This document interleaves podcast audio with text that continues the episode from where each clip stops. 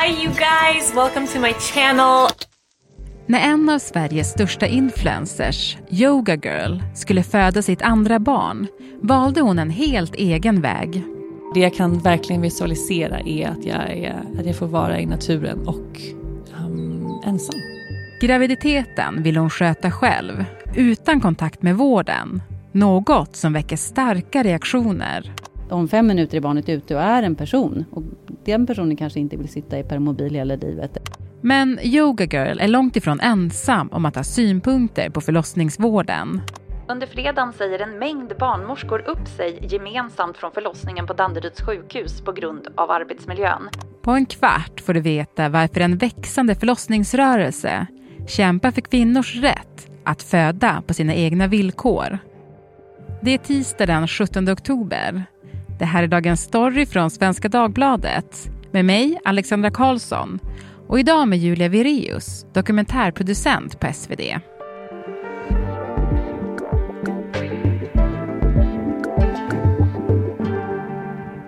Du Julia, när hörde du talas om Yoga Girl första gången? Det var nog väldigt länge sedan, eh, säkert minst tio år sedan för att eh, hon höll på med yoga och håller man på med yoga som jag gör och har gjort så är det svårt att missa denna enorma yogaprofil som eh, började tidigt. Och det är väl därför tror jag som hon blev så himla stor för att hon var så tidig med att eh, vara på Instagram och yoga och visa olika asanas och rörelser. Mm. Ja, men om vi stannar lite då vid Yoga Girl. Hon heter ju egentligen Rakel Brotén. Mm. Hon har ju då runt två miljoner följare i sociala medier. Good morning, good morning, good morning. It's 5 a.m. Time for me to get up. And this is my morning routine. Men för de som inte vet, vem är hon? Yoga Girl är eh, en 35-årig kvinna som eh, är en enorm influencer i USA framförallt. Det är ju två miljoner följare men majoriteten av alla de här följarna är ju amerikaner. Och hon började ju genom yogan. Hon höll på med, hon bodde på Aruba och gjorde så här SUP-yoga där man var på så här surfbräda och blev ju stor mycket på grund av alla så här flashiga bilder och hon yogade med en get och hon yogade med olika djur. Och... Rachel Braven and her trusty goat are proving that you don't have to face that challenging crane pose on your own. Hon var vegan, hon var liksom en preaching vegan som tyckte att det var det bästa och enda sättet att leva på. Today I'm to show you a really easy recipe you can make for your kids. It's vegan. Och hon blev ju yoga deluxe och hade ju yoga på olika arenor men sen så har hon lämnat det här livet och kommit till Sverige utanför Stockholm där hon bor med sin familj och nu har ju hennes eh, kändisskap övergått i andra saker, mer om att så här, hemma på gården, det är familjeliv, det är, eh, ja, hon är inte längre vegan till exempel. Och nu i Sverige så blev hon ju vad ska man säga, känd för den stora massan nu här i början av året. För då eh, gick hon ju ut med att berätta att hon ska föda sitt andra barn eh, hemma och utan att någon barnmorska är närvarande och att hon inte ville gå på några mödravårdskontroller. Jag vill att förlossningen ska sätta igång helt spontant för att kroppen och bebis är redo för det. Inte för att jag känner mig pressad eller för att sjukvården säger att jag måste Um, och helst av allt alltså, så vill jag föda själv. och det här är ju, väckte ju jättemycket debatt och Mm. många blev jättearga. Mm. Ja, men precis. Det är ju rätt ovanligt att göra det valet. Att föda ett barn, inte ha någon barnmorska med sig och inte gå på något av de här kontrollerna man går på när man är gravid. Och idag släpps din Blenda-dokumentär som du har gjort, där du följer Rakel Brotén när hon är gravid med sitt andra barn och liksom hennes tankar kring det. Varför ville du göra just den här dokumentären? Det är få saker som eh, väcker lika mycket känslor som när liv kommer till och när liv kan riskeras. För det är ju inte riskfritt att föda barn. Det är ju eh, en på 4 000 eh, spädbarn överlever ju inte eh, förlossning enligt Socialstyrelsen och det är ju en på 20 000 kvinnor som inte heller överlever, som kanske har komplikationer och någonting oförutsägbart händer. Mm. Hey, I'm Ryan Reynolds. Recently, I asked Mint Mobile's legal team if big wireless companies are allowed to raise prices due to inflation. They said yes. And then when I asked if raising prices technically violates those onerous two year contracts, they said, What the f are you talking about, you insane Hollywood ass? So to recap, we're cutting the price of Mint Unlimited from $30 a month to just $15 a month. Give it a try at mintmobile.com slash switch. $45 up front for three months plus taxes and fees. Promo rate for new customers for limited time. Unlimited more than 40 gigabytes per month. Slows. Full terms at mintmobile.com. Men för, för Rakel då, alltså var det helt självklart för henne att låta dig göra den här dokumentären och följa henne i den här graviditeten? Nej, men hon var ju väldigt skeptisk till en början och hade fått jättemycket förfrågningar om att vara vad, debattera det här men eh, efter att eh, skriverierna började men hade tackat nej. Och det för att hon nog var rädd för att hon skulle utmålas som ett monster, som eh, var vidrig och också för att hon var ju en väldigt skör period. Hon var ju, hon var ju gravid.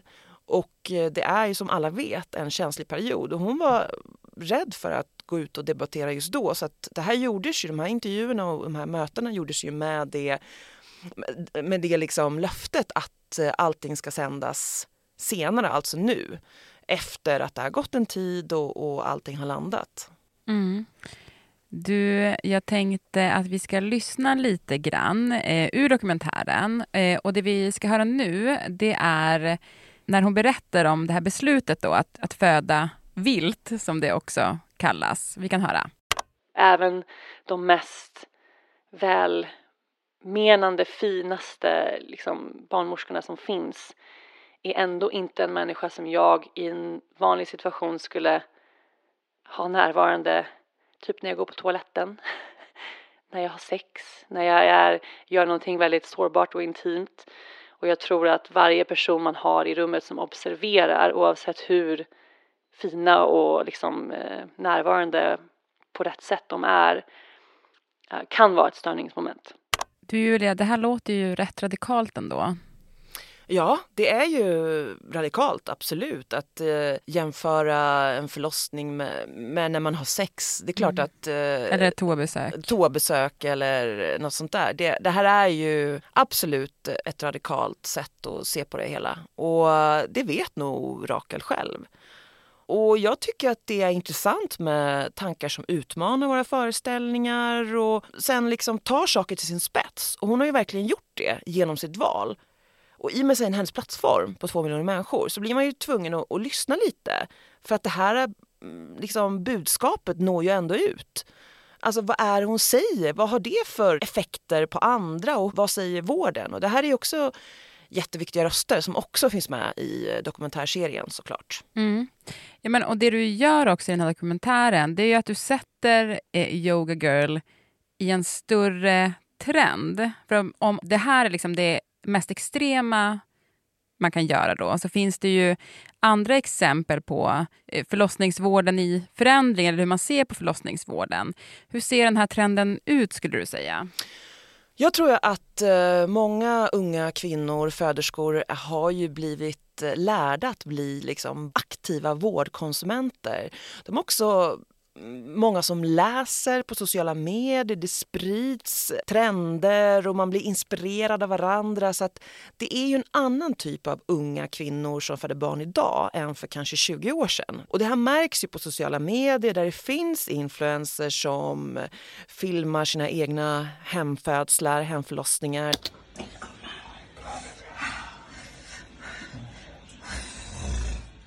Och sen så finns det andra som skriver om orgasmisk födsel, alltså hur en förlossning skulle kunna liksom bli likna en eh, orgasm. Och det finns många såna här eh, ja, hypnotisk födsel, hur man ska kunna hamna i en hypnos. The premise of hypnobirthing is that we have been conditioned to view birth in a very negative way. Jag vet inte vad är bara liksom ord, vad är eh, en del av någon form av rörelse som söker andra sätt att föda utanför sjukhus där man då är så, så, att säga medikaliserad. Det är ett sjukhus. Det är ganska kargt, det är ganska rått. Du får in, det är dropp, det är eh, liksom sugklocka, vi har hinsvepning. Alltså, det är en rå verklighet och det är också många som jag tror har eh, känt att det här inte har varit en plats för dem. Som inte varit nöjda, som har eh, känt sig ja, på något sätt besvikna på grund av att det finns ju också oerhörda liksom, utmaningar inom förlossningsvården i Sverige, i Sverige, Stockholm framför allt. Och det kan man ju se genom eh, barnmorskeupproret här i Stockholm för två år sedan. Det var många eh, barnmorskor som sa upp sig i protest mot eh, bristande resurser och olika rörelser på sociala medier. Yoga Girls eh, historia kommer inte i ett vakuum. Jag tror att det är många som är eh, engagerade i eh, svensk eh, förlossningsvård. Mm.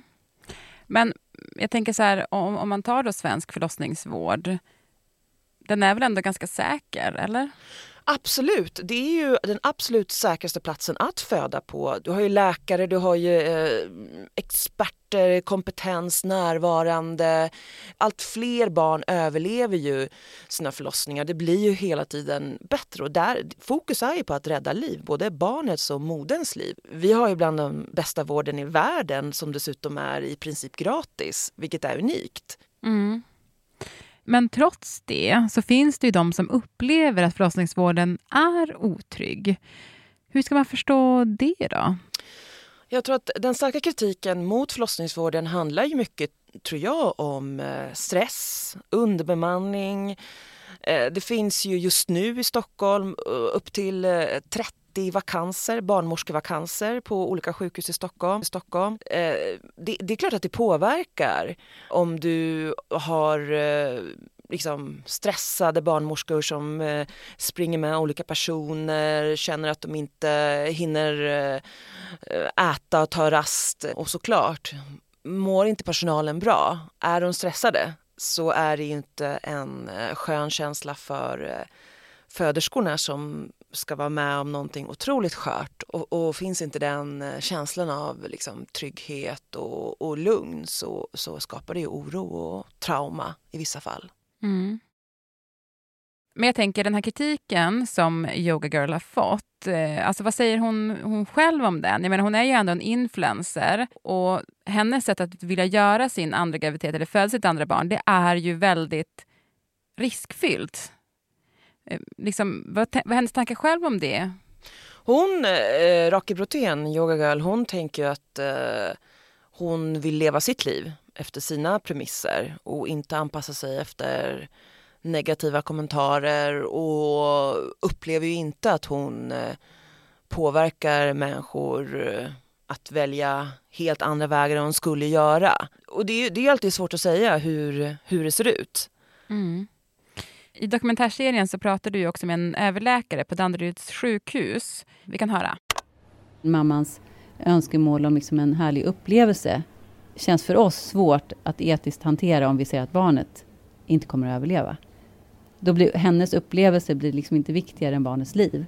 Om fem minuter är barnet ute och är en person och den personen kanske inte vill sitta i permobil hela livet eller, ja, eller dö. Alltså är man inom vården orolig att den här liksom, trenden ska sprida sig? Det här var ju Sofia Brisma Wendel, överläkare på Danderyds förlossning som har ju många decenniers erfarenhet och hon är verkligen eh, skeptisk och eh, rekommenderar ju sjukhusförlossningar för att det är eh, tryggt och säkert. Men hon eh, sa ju också det att vissa kan ju klara av eh, alltså hemförlossningar. Uppenbarligen hemförlossningar sker och, och det uppmärksammas allt mer. Men det kanske inte är någonting för alla. Och det här var ju någonting hon tog upp när, när jag frågade om hur Rakels val kan påverka andra. Att det finns ju en risk att de som inte eh, bör eh, föda hemma gör det. Mm. Du, innan vi eh, avslutar så tänkte jag bara, liksom, vi ska inte spoila dokumentären, men eh, Rakel Brotén har ju fött sitt andra barn nu. Hon har fött sitt andra barn som eh, mår bra Och resten får man eh, höra i eh, dokumentärserien. Just det. Och hur gör man om man vill lyssna på den? Den första delen är öppen för alla. Och är man inte prenumerant så finns det en liten deal som jag kan dela med mig av. Och det är alltså mm, en månad gratis prenumeration på svd.se blända.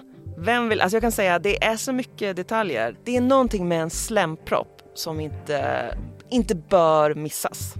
Oj, oj, oj. Det där var verkligen en cliffhanger, Julia. Du, tack så jättemycket. Tack själv.